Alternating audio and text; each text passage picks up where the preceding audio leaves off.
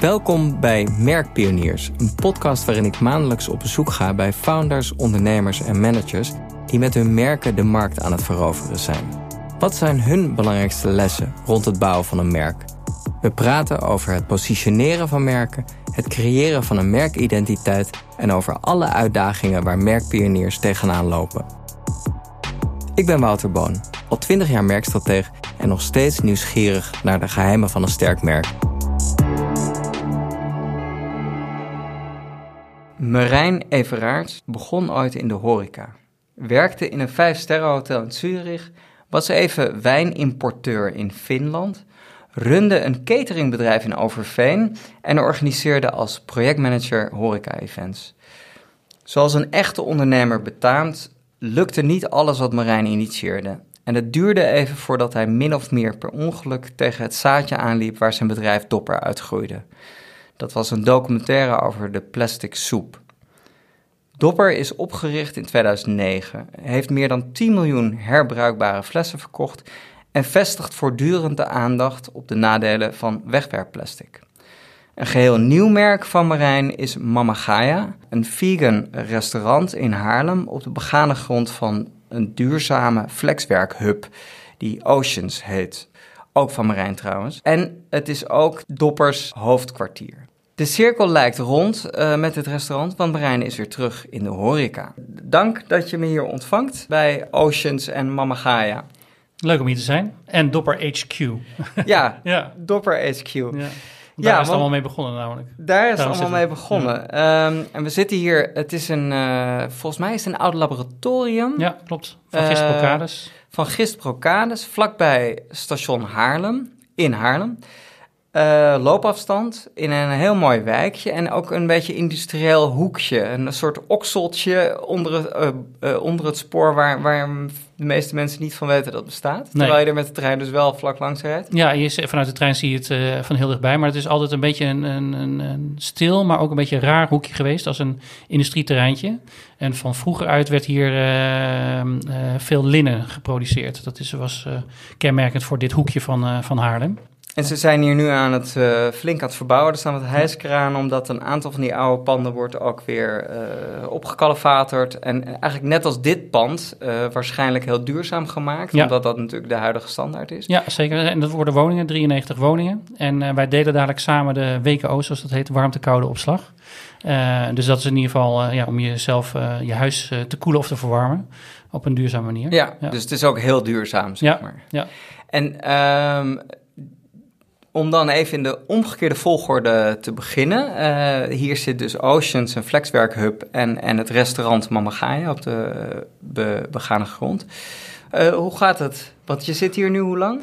Uh, in de, de, de tweede lockdown zijn we hier geopend. Dan okay. tussen aanhalingstekens, want we moesten natuurlijk op dag één gelijk weer dicht. Ja. we hebben verbouwd in, uh, tijdens de eerste lockdown. En in de tweede lockdown waren we er klaar voor om open te gaan. En uh, nou goed, toen hebben we met bakjes en uh, sleeves eromheen uh, mensen inderdaad eten thuis bezorgd. Maar dat was een beetje een rocky, een rocky start. Maar nu, nu zijn we geland en open en, en gaat het hartstikke goed. Het was, ehm, ja, vooruitkijken. Het is eigenlijk net als met Dopper dat ik dacht van er moet iets gebeuren. En als je het hebt over een vegan restaurant op het gebied van ja, de vleesconsumptie met name, maar goed ook vis. Uh, en om dat eigenlijk op, uh, op een leuke manier en vooral een vingerlicking lekkere manier uh, bij de mensen letterlijk naar binnen te schuiven. dus ik dacht, we gaan eventjes een, een vegan restaurant beginnen. Eventjes. Ja. Nou, nu ga ik het toch weer spannend maken. We gaan daar later op terugkomen, ja. want ik, ik hou altijd wel van chronologische volgorde. Ja. Dus ik vind het wel leuk om eerst even helemaal aan het begin te, te beginnen. Overigens Laat ik even open kaart spelen. Ik huur een, uh, een flexdesk in, in deze hub. Uh, dus vandaar kwam ik erop om, om Marijn te interviewen. Dus het is voor mij eigenlijk ook een soort uh, thuiswedstrijd, net als voor Marijn. Maar even dus nog helemaal terug naar het begin. Je begon helemaal in de horeca en ik noemde net wat dingen die je, die gedaan had. nogal verschillend en klinkt nogal, zeg maar, avontuurlijk. Maar hoe kwam de horeca initieel op je pad? Uh, ik ben opgegroeid in uh, Eindhoven, aan de rand van Eindhoven bij uh, Nune. en Daar hadden wij een moestuin, of ik moet zeggen wij, mijn moeder. en wij fietsten daar heel veel. ik was helemaal gek ook van de Tour de France, die nu ook speelt. maar dus wij fietsten heel vaak in de buurt. En daar was vlak bij ons huis eigenlijk was een heel mooi landgoed. En een beetje mysterieus in de, in de bossen. En uh, op de een of andere manier had ik bedacht dat ik daar ooit een hotel zou willen beginnen. En uh, als ik me goed kan herinneren, was het rond mijn tiende verjaardag dat ik dat, die droom uh, begon mm -hmm. te mhm. leven. En um, we hebben ook, of er werd een straatfeest georganiseerd. En naar mijn idee heb ik het georganiseerd, dat is natuurlijk niet zo. Maar uiteindelijk stond ik in ieder geval heel stoer, vond ik zelf, achter de bar bier te tappen. En uh, ja, dat is op die uh, leeftijd uh, is dat eigenlijk een beetje gaan groeien. En zelf thuis salades maken, taarten maken. En ehm, ja, mijn eerste bijbaantje was mijn eerste bijbaantje waren stroopwafels bakken op de markt. Daarna bij een banketbakker in de buurt. dus dat, dat vak, een vakmanschap, vond ik super interessant en, en mooi. En dat is eigenlijk later meer wat breder gegaan naar de hele horeca. Niet alleen naar de zoete horeca, maar ja, hotels en restaurants. Even over de omschakeling van de horeca naar Dopper. Dit heb je misschien al duizend keer verteld, maar vertel nog één keer heel in het kort van hoe, hoe ontstond Dopper? Uh, ja, ik denk dat het verschillende zaadjes uh, zijn. Uh, mijn moeder vooral was wel erg bewust en dicht bij de natuur. we gingen kamperen en ja, biologische groenten en Greenpeace, de VPRO-gids en dat soort dingen was uh, onderdeel van ons leven. Het be uh, begaan zijn met de wereld en de mensheid zat er al in. Alleen, nou ja, goed, op een gegeven moment ben ik ook geld gaan verdienen en in de horeca ehm, ja, ook gewoon of niet gewoon, maar geleefd zoals de gemiddelde consument leeft. -hmm. En dat is ook een goede ervaring geweest, want uh, dat is nu mijn inspiratie. Um, maar alles bij elkaar, uh, de horeca, waar, uh, vooral in de catering, waar heel veel food waste uh, is. In de restaurants heb je vaak weinig food waste, maar in de catering neem je altijd nou, ongeveer 25% meer eten mee dan dat je nodig hebt. Nou, dat gaat meestal ook weg. Um, en ja, later kwam ik ook in de festivalwereld en daar had je natuurlijk het tapijt aan plastic bekers wat... waar je overheen liep. Ja, ja, ja. En wij waren altijd super trots dat we dat tot de laatste beker schoonmaakten. Maar ja, eh, dat, uh, dat begon bij mij op een gegeven moment wel uh, te wringen. Ik ben wel ook benieuwd ja, naar ja. die fles, hoe die ontstond dan. Nou ja, ik was onderdeel van een club creatievelingen, de Harlem Legacy. En um, elke dinsdag stond er iemand op een zeepkist om te vertellen of hij een probleem had of een oplossing voor iets in het leven. Mm -hmm. Of met werk gerelateerd. En ehm, op een gegeven moment heb ik ehm, geroepen van, jongens, voor mij moeten van de pet, petfles af, want het heeft een enorme uh, impact op het milieu. En dan met name die voor water, want in Nederland uh, drink je gewoon uit de kraan. Dus waarom zou je überhaupt met een petfles uit uh, Spa, Evian ja. of Fiji rondlopen? Ehm, nou, iedereen stond te juichen en vond het ook. En moeten we iets aan doen? Dus dan dachten we, starten een movement om dat mensen onder de aandacht te brengen. Er zaten filmmakers, marketingbureaus zat erin, persbureau. En dachten we, samen gaan we een campagne maken om dat ja, eigenlijk van het probleem af te komen of te, te adresseren. En er was ook een uh, designer en die uh, zei van ja, we kunnen natuurlijk ook gewoon een fles maken. Dan heb je ook de oplossing. En zo is het eigenlijk begonnen. Alleen die jongen had niet zo heel veel tijd en die heeft met all due respect meer een bidon gemaakt in plaats van een designfles. Ja. En ehm, toen kwam het idee van waarom vragen we het niet aan de creatieve Nederlandse geest? Dutch design is world famous. Um, uh, om de Nederlandse creatieve geest te vragen om de ideale fles voor kraanwater te ontwerpen. Ja. En dat was uh, de vraag. Doe dat. En tijdens een van de brainstormen waar het woord dop heel vaak is gevallen op het schoolbord getekend, heeft iemand ooit geroepen, uh, ze zeggen dat ik het ben geweest, maar ik kan het me niet herinneren. Daar is uit het, het woord dopper uit voortgekomen en er zat ook een uh, grafisch ontwerper. En die uh, tijdens een van de brainstorms heeft zij, Evelien van der Zaken, dat dopperlogo gemaakt. Dus we hadden en een naam en al een logo. En dat kwam dus mee met de prijsvraag van ontwerper fles. Uh, dit zou de naam kunnen zijn ja. en dit zou het logo kunnen zijn. Niet verplicht, maar uh, er kwam, Er kwam niks beters uh, naar voren. Maar er waren drie ontwerpen, waarvan de één, dus de dopper van Rinke van Remortel, daar heeft hij het hele woord dopper gebruikt. bij één ontwerp, die heeft alleen de R gebruikt, dus het, het kraantje eigenlijk met de druppel. en die andere zat helemaal niks met dopper gerelateerd. Uiteindelijk heeft dopper, zoals hij nu is, gewonnen. Ja, dit is bijna iconisch inmiddels. Want ik denk dat iedereen de vorm wel herkent. Als je de fles ziet, weet je, dit is dopper. Ja. Uh, Ja. Dus dat is wel, uh, het is bijzonder dat dat stand uh, heeft gehouden helemaal. Ja. Zowel, zowel het merk als, als de fles. Ja, nou het is heel grappig, want het allereerste ontwerp van uh, Rinke was echt heel erg slank. Ehm, en um, ja, alleen al op de tekening dacht je van, nou, die, hij valt zo om. Um, en hij, had was niet een halve liter inhoud. Dus toen heb ik in overleg met hem gezegd van kunnen we dat uh, kunnen we wat kroppen, dus wat kleiner maken, lager, zodat hij eigenlijk de maat krijgt van een, uh, van een petfles. Want anders hebben mensen excuses, ja, die fles is te groot voor mijn handtas, het past er niet in. Dus ik denk, hij moet precies de maat hebben van ja. uh, de mineraalwaterfles, ja. maar ook dezelfde inhoud. Dus daardoor werd hij echt wat boller. Uh, en uh, nou goed, wat bleek, dat was meer de gouden snede. Dat woord had ik nooit van gehoord, maar ja. uh, dan dus het, zeg maar, het originele ja, ontwerp. voelde dat intuïtief al aan. Dat het, Blijkbaar, ja. ja, ja. Um, al weet ik nog wel van mijn eerste dopper dat die, dat die al redelijk makkelijk omviel. Ja, Volgens mij hebben jullie daar nog wat aan gefixt. Ja, de onderkant hebben we inderdaad breder gemaakt. maar om het iconische van het ontwerp te behouden, is het heel belangrijk dat die onderkant rond blijft.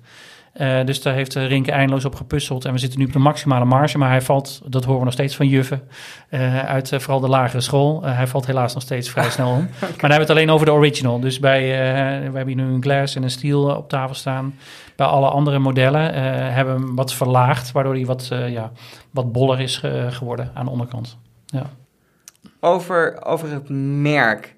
Hebben jullie meteen al, of misschien in een later stadium, dat een soort van vastgelegd in een brandboek? We hebben net gezegd van uh, de, de, de fles en het merk staan nog steeds. Maar is daar nog iets omheen geformuleerd van wat dopper moest zijn? Ja, dus uh, daar heb ik toen ooit toen in het begin helemaal niet over nagedacht. Ik denk, we moeten gewoon een oplossing hebben. En dat moet een hele mooie uiteraard, fles zijn. Uiteraard, uh, en ik, ik heb een lange tijd voor Canon als freelancer gewerkt. voor een soort reizend circus door Europa. En uh, daar kwam eigenlijk uh, de horeca en het faciliteren, faciliterende van een evenement en marketing bij elkaar. Zo van hoe kun je op de mooiste manier iets presenteren en welke beelden horen dan erbij? Want wie koopt die camera of die printer? Of, um, dus dat heb ik eigenlijk bij Dopper wel gebruikt, maar uh, gewoon meer intuïtief. Zo van, uh, ja, we positioneren het lekker bij de servers. Daar past het bij, want die, uh, die, die, they take care of the ocean. ze zorgen voor de oceaan. Precies. Maar goed, ik kreeg al vrij snel ook een aanvraag voor de KLM Open de golf. Ja, daar was ik super trots op. En ik hou wel van een balletje golf. Uh, dus ik, was, ja, ik, vond het, ik voelde me heel vereerd. Dus hup, we gingen eh, de KLM Open sponsoren met uh, doppers. Nou, toen kwam er een tennistoernooi, een hockeytoernooi en een voetbaltoernooi. En uh, allemaal sponsoren. Iedereen wilde die fles Iedereen hebben. wilde die fles hebben en ook graag sponsoring. Nou, en ik, ja hoor, is goed, is goed, is goed. tot er toch iemand van buitenaf naar me toe kwam die me hielp me met social media. Ja. En die zei van het is wel verstandig om een lijn aan te brengen in wat je naar buiten stuurt. En niet van golftoernooi naar, uh, ja. naar beach guys. De wereld is gewoon veel te breed en te groot. En uh, je moet wel echt, uh, ja, de Henk en Ingrid zoals ze dat dan noemden, toch? Hè, bij uh, hoe heet die politicus ook alweer? Uh, nou goed, maakt er verder niet uit. Uh, maar, Geert Wilders? Geert Wilders, ja. Zo van, je moet je archetypes beschrijven. Dat ja. was voor het eerst dat ik dat hoorde. Ja. En ehm, dus we hebben ook een Henk en Ingrid bedacht voor, voor Dopper. Wie, wie is nou eigenlijk de hoofdgebruiker waar wie het liefste zou willen dat hij de Dopper gebruikt. Maar die ook, superbelangrijk, andere mensen gaat, ja, de influencer, ook dat woord bestond toen nog niet echt. Maar wie is dat dan? Is dat dan een, een golfspeler of is het een server? Ja, ja. En, en, wie, nou, werd, en wie werd dat? Nou, ik, eh, ik probeerde al de hele tijd, ik zat, uh, Henk en Ingrid blijven natuurlijk nu hangen bij mij, maar goed, we hadden twee hele mooie namen bedacht. Ja, want dat was en, iets, iets progressiever ja, dan Henk en Ingrid. Ja, ja zeker, zeker. Uh, dat was in ieder geval het begin. en daar hebben we toen ook een brandboek voor het eerst omheen geschreven. Dus het Dopper-logo was er en daar hadden we gelukkig al guidelines van gekregen, hoe je het mag gebruiken en hoe groot het mag en welke kleuren. Uh, maar daar ging het ook over het font wat je gebruikt uh, op je website. Precies. Het font wat je gebruikt op, ja, als je nog papier hebt, op je papier. je beelden. Wat voor beelden gebruik je? Wat voor filter zit erover? dus het was een hele mooie exercitie. Maar dat begon dus eer, eerst met van wie zijn wij eigenlijk? Uh, en die journey had ik ook nog nooit gedaan. We zeiden, ja, we willen de wereld verbeteren ja. en uh, iedereen moet aan de dopperfles. Maar dat was een hele grote ambitie. Ja, dus, precies. Dus, dus, dat werd ook wat smaller. Ja, je maakt het dus uh, kleiner. Eén doelgroep, de urban creative volgens mij was het uiteindelijk. Dus we hadden niet per se de natuurliefhebber, maar juist de mensen die in de stad wonen, maar wel toch nog een link hebben met de natuur. En die, en die graag ook vaak petflessen kopen. Zeker, ja. En die met hun surfboard onder hun arm, petfles onder de arm, in de trein stappen om te gaan surfen op Zandvoort of Bloemendaal. de inspiratie was heel dicht bij huis. ja, ja, ja, dat is wel grappig, want een van onze eerste activaties, dat is nog voordat we dat brandboek hadden, die was op het Centraal Station in Amsterdam. En dan hadden we het over de, de fashionista, die we dan uh, moesten pakken. Want die liep natuurlijk met die tas onder de arm en aan de andere hand een petfles. Uh, die moesten we pakken. En dat is ook het ultieme doel, maar dat is eigenlijk de mensen die je heel moeilijk kan bereiken, omdat die eigenlijk blind zijn voor verandering. En misschien wel met een influencer meegaan als die wat doet, maar die in eerste instantie gewoon helemaal niks met de natuur te maken hebben. Dus we moesten wel een beetje bij de mensen zijn die wel wat meer down to earth uh, waren. En toen is eigenlijk ook, uh, we hadden de eerste tagline was uh, de perfect bottle for tapwater, mm -hmm. de perfecte fles voor kraanwater. En dat hebben we toen veranderd in de bottle is the message omdat we echt wilden dat, het, dat we messengers hadden. Dat we mensen hadden die het verhaal verder gingen, ja. gingen vertellen. En uh, dat kwam eigenlijk doordat ik uh, een keer in Amerika de dopper op tafel had gezet en iemand naar me toe kwam en vroeg wat het was. En toen dacht ik van ja, bij een Nike bidon zou nooit iemand hebben gevraagd wat het was. Nee. En dat was voor mij de gelegenheid om uit te leggen uh, waarvoor die fles staat. Dus niet dat het een waterfles is, maar dat we een beweging aan het maken zijn om mensen van de petfles af te helpen. Ja. Dus toen is ehm, uh, dus die messenger, uh, de bottle is de message uh, daarbij gekomen. En ook de messenger, zo van je bent echt een messenger. een Massias eigenlijk ook. als je een dopper hebt, want je kan het verhaal vertellen. Even over die payoff. Dat is, Ik zag laatst allemaal Abri, een Abri-campagne met, met de hele mooie, vond ik qua kleurstelling heel mooi. Een soort pastelkleuren met echt heel grote fles in beeld.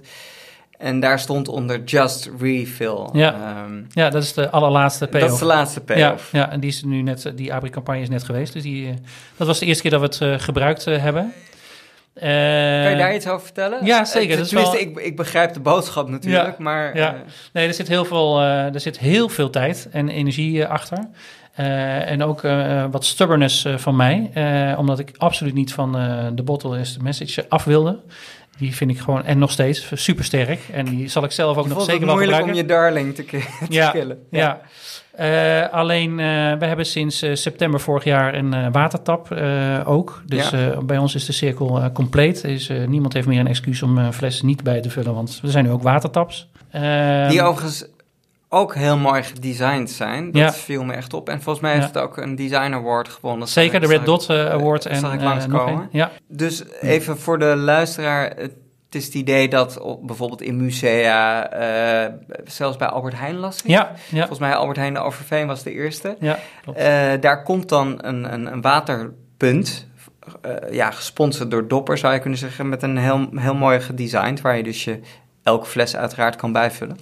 Dus dat even over, over die watertap. Ja, maar het ja en het is ook. Uh, ja, nou goed, en het is wel belangrijk, die watertap, om daar nog even iets ja? verder over te nee, vertellen. Want uh, het is, we call it a talking tap. Dus uh, hij communiceert via een Tetris-beeld met je. Dus ja? hij, hij lokt je eigenlijk door grappige teksten naar de watertap toe. om mensen te stimuleren om kraanwater te drinken. Um, en wat we willen is, we zijn 13 jaar bezig, of tot het watertap was 12 jaar bezig. Ja. En uh, het voelt alsof we aan een dood paard aan het trekken zijn. Dus we, iedereen omarmt de fles, mm -hmm. prima. Ja. Maar de consumptie van petflessen van mineraalwater is, stijgt jaar op jaar. Dus wij doen het gewoon niet goed genoeg. Uh, dat zit dus nog niet tussen de oren. Uh, dus er moest uh, een alternatief komen voor die petfles op een locatie waar je normaal die petfles koopt. Als je het zo vertelt, een hele natuurlijke brand extension. Ja, zeker. En daaruit kwam ook zo van hoe makkelijk het eigenlijk is om je fles te vullen. Dat willen we eigenlijk laten zien. Just refill. Die payoff, ik, zeg maar, ik heb er vrede mee en ik vind het ook een hele goede payoff. nu, omdat die past bij wie we nu zijn. Uh, maar goed, het is wel lastig om van je, ja, jezelf bedachte tagline. Uh, ja, ja, nee. Uh, die, en vooral, het, is, het blijft nog steeds belangrijk om de boodschap te vertellen. Maar we zijn ook wat meer staccato en wat harder geworden in onze communicatie. kort en krachtig. jongens, het is nu echt, echt kappen nu met die petfles. Ja. Just refill. Ja. ja, en ik vind het interessant wat je vertelt over het feit dat het, de hoeveelheid petflessen niet echt afneemt. Want, ja. want ik heb het idee dat, dat mensen om me heen uh, eigenlijk geen waterflessen meer kopen, geen petflessen meer kopen. Dus het, het, lijkt misschien wel een beetje ook op de flesconsumptie. dat het schap vegan en vegetarisch product wordt steeds groter. Ik hoor steeds meer om me heen dat mensen uh, minder vlees proberen te eten. Maar de, de, de, onder de streep wordt er meer vlees geconsumeerd. Ja. Dus dat, dat is heel apart. Ja. Ja, Heb je enig idee waar, waar dat, waarom dat in zit? Nou ja, het gaat dus om die systeemverandering die wij nu uh, willen bewerkstelligen op het gebied van de petfles dan, van mineraalwater. Uh, en ik zit natuurlijk ook in de vegan uh, wereld en ik zie ook dat schap groeien, wat natuurlijk super vet is. Want als je kijkt, de plan om dit restaurant te beginnen is vijf jaar geleden begonnen. En toen hang er nog geen enkel donkergroen bordje in Albert Heijn en nu hangt het vol. Ja. Dus blijkbaar had ik toch wel gevoeld van het is wel tijd om te doen. Je zit niet helemaal in, de, in een hele kleine niche.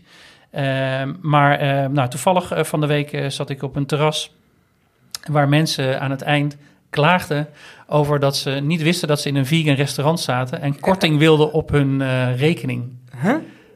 Ja, precies. Dat is heel apart. Ik, mijn mond viel open en die bediening, die jongen, die begreep ook niet wat ze zeiden. Nee. Die denkt, dat, dat kan niet wat je zegt. Nee. Maar de dames waren stellig en zeiden, ja, uh, anders hadden we hier nooit gegeten. En dat is dus met de petfles ook. Er zijn gewoon heel veel mensen in uh, onze eigen bubbel die bewust zijn. Precies. Uh, en daarbuiten zijn dus nog heel veel meer mensen die zich nog niet zo bewust en de, zijn. En de kunst is natuurlijk om, om die mensen ja. dan... Ja. De taak is nog niet volbracht nee. wat dat betreft. Nee. Jullie hebben, zei ik in de inleiding, meer dan 10 miljoen flessen verkocht. Waarvan 70% in Nederland. Zo'n zo ABRI-campagne gaat dus eigenlijk veel meer over de maatschappelijke boodschap dan over het verkopen van nog meer flessen. Ja, klopt. Ja, we hebben uh, verschillende abris uh, gehad waarin we hebben het plastic probleem hebben uitgelegd. Dat paste niet op een abri, dus dan hebben we uh, gekscherend hebben we de abri verlengd met een oprolbare poster die eronder hangt en die kun je uitrollen en dan kun je zien hoe groot het probleem is. Ja. Uh, en daarnaast hebben we uh, beelden gemaakt van de dopperfles zelf. En daar staat echt van uh, ja, het probleem van, van de plastic fles is op te lossen met een waterfles. maar dan een duurzame waterfles. Zo simpel is het eigenlijk. Ja. dus we zijn nu echt wel ja, daarop aan het pushen. Ja. En qua businessmodel, want met die flessenverkoop maak je op elke fles een marge. Ja. Als je meer maatschappelijk wordt en minder flessen verkoopt, dan verandert die balans. Ja. Kunnen jullie dat opvangen? Hoe, hoe moet ik dat zien? Ja, ik, uh, ik, kijk sinds het begin van Dopper anders tegen deze onderneming aan dan de, de ondernemingen die ik daarvoor uh, heb gerund. Dat gaat om, ja, natuurlijk uh, bijvoorbeeld om een evenement te organiseren dat je mensen blij maakt, maar ook gewoon cash op tafel leggen. Ja. Ehm, maar hier is het doel om die petfles de wereld uit te krijgen. En ja. hoe we dat doen, dat maakt mij niet zo uit. En als het uiteindelijk met zijn stichting wordt, omdat iedereen een dopper heeft, we verkopen geen doppers meer dat zou mij het ultieme einddoel van Dopper uh, zijn. Als je de luxe hebt om een stichting te kunnen beginnen. Ja, ja. ja en dat er geen... Uh, maar goed, dan is de consument dus tegen die tijd ook zo bewust dat het uh, niet meer hoeft. maar goed, ik heb, ik heb als voorbeeld ooit genomen Zik. Ik weet niet of je het merk kent, maar het is een hele duurzame fles uit, ja, uit Zwitserland. Ja. Nou, die bestaan al 500 jaar, geloof ik. Nou, misschien niet wat overdreven, maar meer dan 100 jaar. Die hebben ook een opvallende dop. Inderdaad, die je zo in je vinger mee kan nemen. Um, en uh, die bestaan dus al heel lang. Uh, uh, en die hebben gewoon hele duurzame flessen. En dat is eigenlijk het grotere doel. Dus ja, heel veel verschillende doppers in je kast, wat wel veel gebeurt. Hè, omdat je natuurlijk ook op veel congressen of evenementen een dopper krijgt. Daar willen we eigenlijk zoveel mogelijk van af. Ja. Dat mensen zelf die duurzame, bewuste keuze maken om één dopper, twee, misschien drie doppers te kopen. voor elke gelegenheid één, om het zo maar te zeggen. En dan, that, that's it. En dan heb je op een gegeven moment over vijf of tien jaar een vervangingsvraag. Um, ja, ben je dan niet bang voor je businessmodel en uh, uh, moet je dan niet opdoeken? Nou, dat zou echt mijn ultieme doel eh, zijn, of niet zal zijn. Dat is, dat is ons ultieme doel. Ja. En uh, ik weet inmiddels, er zijn zoveel uh, problemen in de wereld die getackled moeten worden. Uh, onze medewerkers komen, en ik zelf ook, kom ook wel weer ergens anders aan de bak om, als het gaat om geld verdienen. In principe is het niet het grote doel om de hele tijd maar meer omzet te draaien. het doel is om zoveel mogelijk impact te maken. Helder. Um, van de 30% van die 10 miljoen, die zijn in het buitenland verkocht. Jij hebt een jaar in uh, New York gewoond, omdat je bezig was het, het merk, de fles, naar uh, Amerika te exporteren. Ja. En dat is niet helemaal gelukt, volgens nee, mij. Nee, dat is niet gelukt. niet helemaal niet. Het is, oh, gewoon helemaal niet gelukt. Ja. ja. En, ja. wat was de beperking daar? Of de, of de barrière? Of de... Ja, ik denk uh, geld is sowieso. Pech. ja, ook. ja, want als je ziet, uh, zeg maar, de sterren stonden goed toen wij met Dopper begonnen hè, in, in Nederland. Uh, ik denk dat we wel op het juiste moment ook in Amerika geland zijn.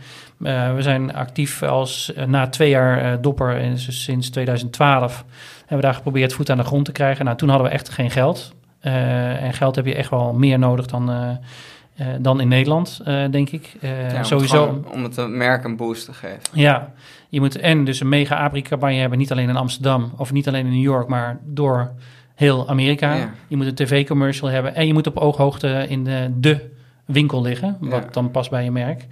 En ja, daar hadden we gewoon ook in die tweede ronde dat ik er zelf zat, gewoon niet genoeg geld voor. ja, we hebben een mega groot evenement samen met National Geographic gedaan op Times Square. Zelfs dat heeft niet uh, mogen baten. Um, we hebben heel veel dingen geprobeerd uh, en het is niet gelukt. Maar ja, uh, nu zitten we in België zijn we bijna net zo groot als in Nederland. Duitsland loopt redelijk oké, kan veel beter. Maar, maar we zijn nu ook onze pijlen aan het richten op Frankrijk. Waarvan ik dacht, ja, is het dan slim om wel naar Parijs te gaan? Maar toch kwam er een kans voorbij om daar te landen. Uh, maar we zijn er ons ook van bewust dat je wel op andere plekken ook uh, moet zijn om uh, ja, wat meer tractie te krijgen. Ja. Meer fans. En hebben ze in, dat, in die landen, als je daar nu begint, hebben ze dan niet een vergelijkbaar icoon? Dat al tien jaar, zeg maar, de household name is ja. voor... Uh, ja, ja dat was trouwens in Amerika ook hoor. Daar heb je verschillende merken, die uh, Nalgene en Klinkantine, dat zijn echt de grote merken daar. Daar moet je wel uh, mee strijden, dat klopt. Alleen nog steeds zijn er niet heel veel flessen die echt precies op, alleen maar op, de, op die missie zitten. Dus heel veel mensen roepen wel van, we hebben een alternatief. Ja, ja.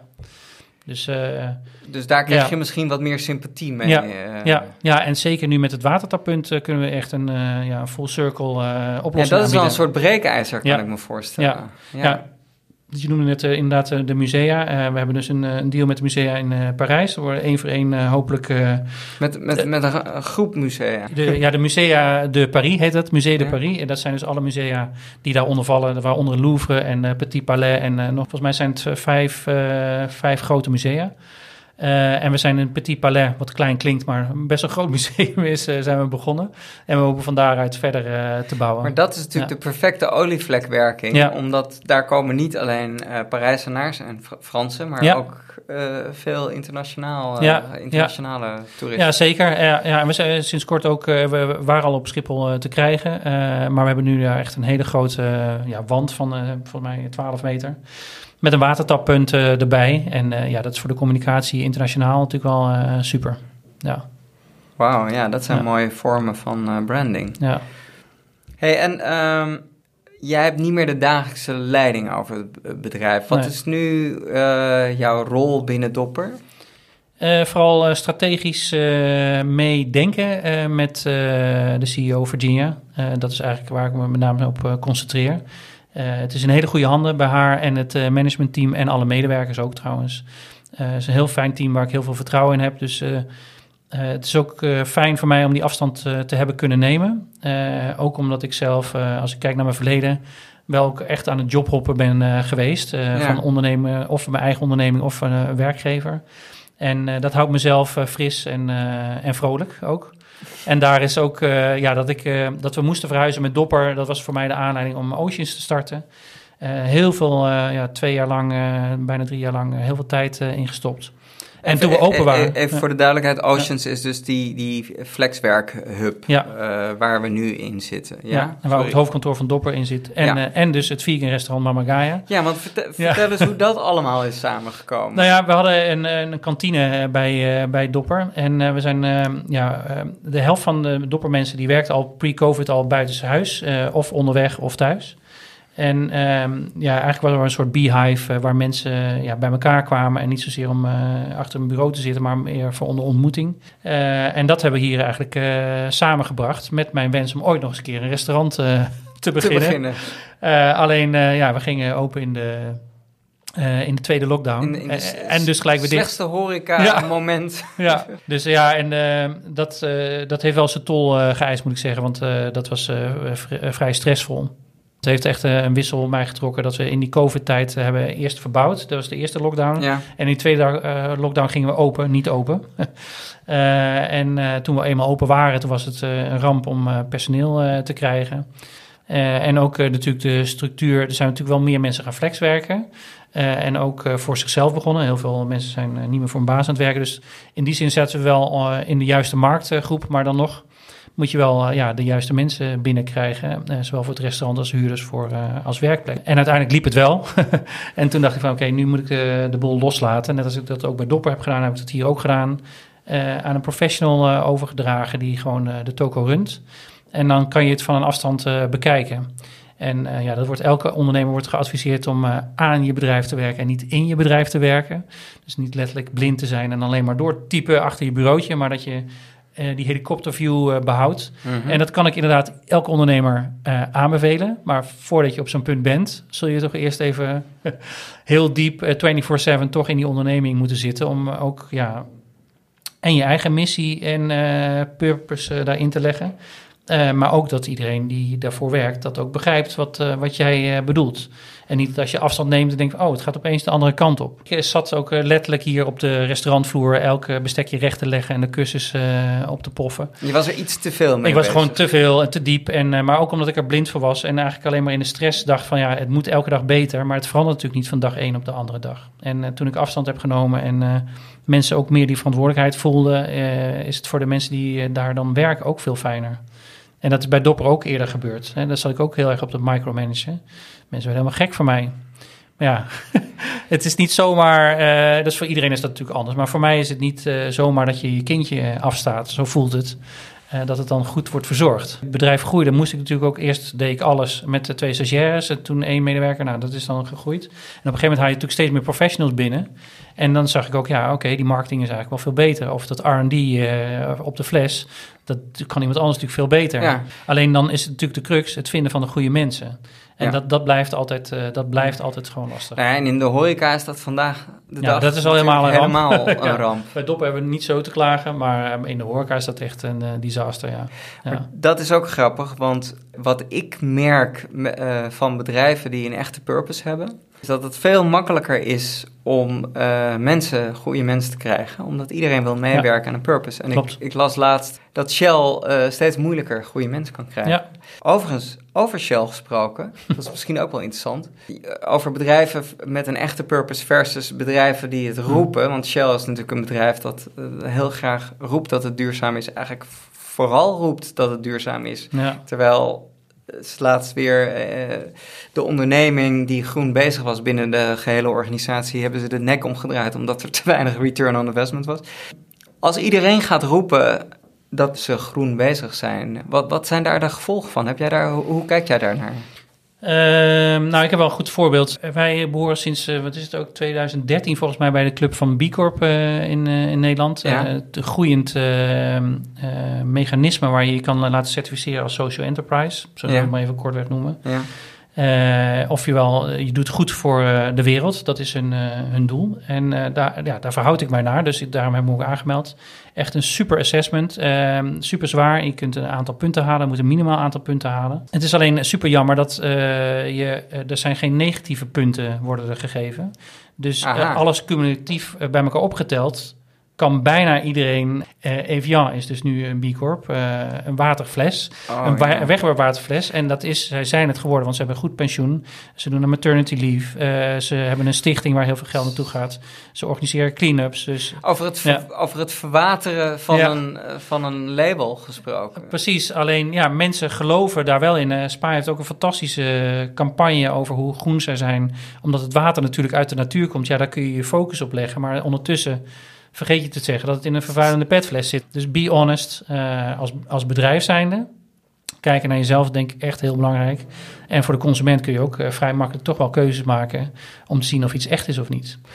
Maar greenwashing is wel, dat groeit met de dag. Het woord is niet voor niks eh, bedacht al een tijdje geleden, maar het wordt eigenlijk erger. Over be honest gesproken dan. Als je het hebt over de, de, toekomst van marketing. Voor zover jij in de glazen bol kan kijken. Wordt marketing denk je eerlijker of, of wordt het oneerlijker? Uh, wat ik goed vind om te zien is dat ik zie dat er meerdere marketingbureaus uh, alleen nog maar voor duurzame merken willen werken. Aha. En alleen maar. Dus voorheen was het een dan zeggen ze het. En dan deden ze af en toe nog wel een spaar ertussendoor. Maar uh, nu zie ik verschillende marketingbureaus in Nederland in ieder geval. En ik weet ook uh, toevallig eentje in Amerika. Die echt alleen maar die keuze maken voor duurzame merken. En die ze dan die duurzame merken ook langs hun eigen meetlat leggen van ja, uh, we willen wel voor jullie werken, maar show me hoe duurzaam je dan daadwerkelijk bent. Ja. En ook wat je ermee wil bereiken. Want het, en dat blijft ook nog steeds lastig, want nou ja, goed, Patronia is negatief in het nieuws gekomen. Eerst vorig jaar positief, omdat ze alle aandelen aan de medewerkers hebben gegeven. Nadat ze natuurlijk hun eigen zakken eerst hadden gevuld. maar ze hebben natuurlijk een hele mooie campagne ooit gehad, Don't Buy This Jacket. Met als doel om natuurlijk wel zoveel mogelijk van die jackets te verkopen. Ja. En nu blijkt ook nog eens keer dat ze dus in een fabriek worden geproduceerd, waar ook Primark zijn spulletjes vandaan haalt, waar dus niet goed voor de mensen wordt gezorgd. Ik heb dat niet meegekregen en het verbaast me. Nee, en het is dus, dus en blijft lastig om. ik heb nu Armed Angels iets aan en ja, ik heb nog niet in hun fabriek gekeken en dan krijgen we ook te horen dat het slecht is. En um, dus ook al vertrouw je vol op een merk en heb je denk oh, ik heb eindelijk een goede keuze gemaakt. Dan kom je er later nog achter, oh, ik kan allemaal Patagonia kan ik eigenlijk wel weer uh, schenken aan het goede doel. Want uh, dat is eigenlijk ook niet zo, uh, zo goed. Ben je optimistisch of, of pessimistisch over, over de toekomst? Ja, dat wisselt per dag. Maar ik ben op zich optimistisch. Altijd ingesteld in de zin van, ik zie wel overal altijd kansen. Uh, maar net als ik dat voorbeeld net aanhaalde over de dames uh, die op het terras zaten, die echt een klacht indienen dat ze in een vegan restaurant zaten, dan word ik wel, uh, dan dat de zakt, de moet me wel in de schoenen. Uh, maar goed, ook die, uh, dat maakt ook wel die strijdbaarheid weer. Uh, mijn doel is, wordt alleen maar helderder voor mezelf. Ja. dat ik nog lang niet klaar ben. Dus ik voorlopig heb nog wel wat te doen. Dus dat is ook wel weer een optimistische gedachte. Maar het is wel heel jammer dat je ziet dat het gebeurt. Ja, oké. Ja. Heel veel dank voor dit interview. Ja, en jou ook bedankt. Dank voor het luisteren naar Merkpioniers. Een podcast van Wouter Boon over merken die de markt aan het veroveren zijn. Als dit smaakt naar meer, abonneer je er dan op in je favoriete podcast-app. Dank ook aan Adformatie voor de aandacht in jullie magazine. Meer informatie over deze podcast vind je op merkpioniers.nl.